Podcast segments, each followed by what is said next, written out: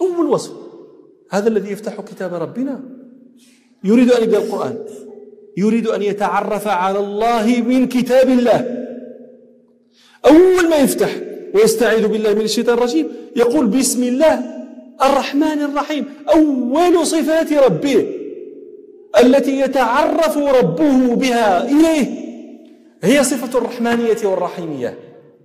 لو شاء ربنا لابتدأ كتابه بقوله بسم الله القوي المتين بسم الله القهار الجبار بسم الله العزيز ذي الانتقام. لكن ربنا سبحانه قال بسم الله الرحمن الرحيم. أول شيء تعرفه من صفة ربك هو صفة الرحمة أنه رحمن ورحيم. هذا كاف لينبئك بأن ربك سبحانه رحيم رحيم رحيم. أن أول شيء يعطيك من صفاته. هي صفة الرحمة هذا ليس هذا كاف. أنك هذا الكتاب الذي تستقبل منه الأمر وتستقبل منه النهي وتستقبل منه الشرائع والتشريعات هو كتاب الرحمن الرحيم. فلا تتجر ولا تقلق ولا تحزن ولا تضيق به ذرعا ولا تنفر منه نفسا لأن كل ذلك فيه من تجلية الرحمانية والرحيمية.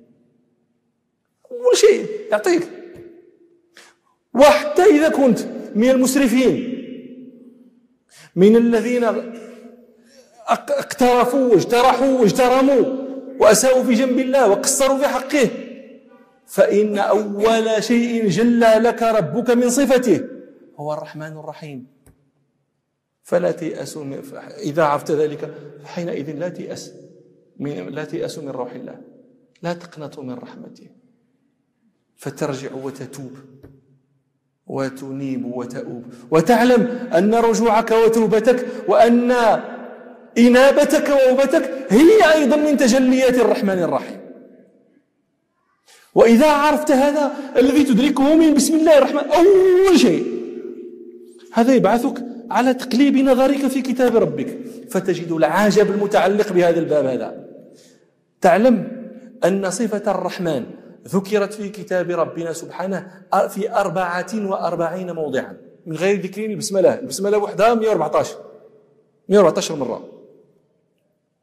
البسملة بعد التي في سورة النمل. أنا لا أعد البسملة في أوائل السور. فقط في السور في أربع وأربعين موضعا. كلمة الرحمن.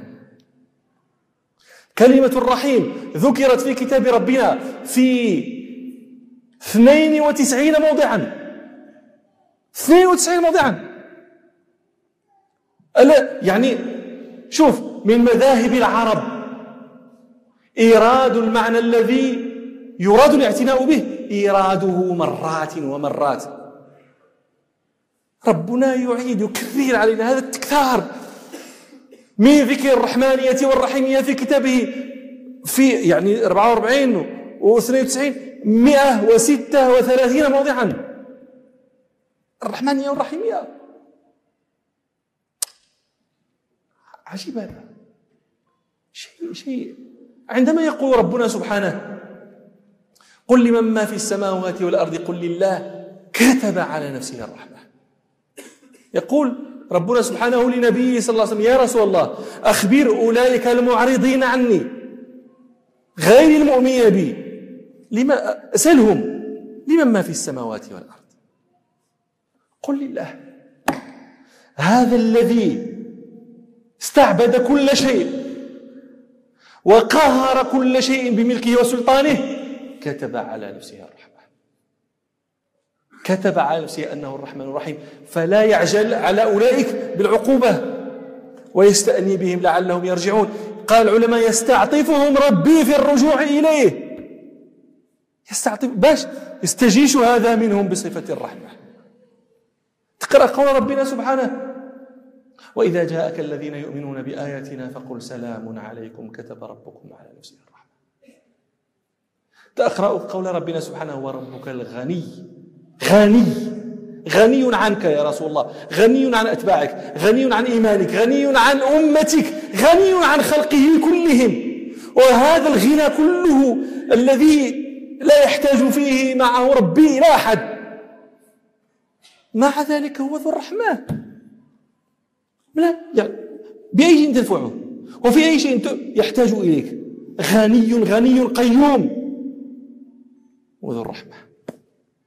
وربك الغني ومع ذلك. هذا الغني هو أدعى أن يكون الغنى عن عن الناس. أدعى للقسوة لا للرحمة.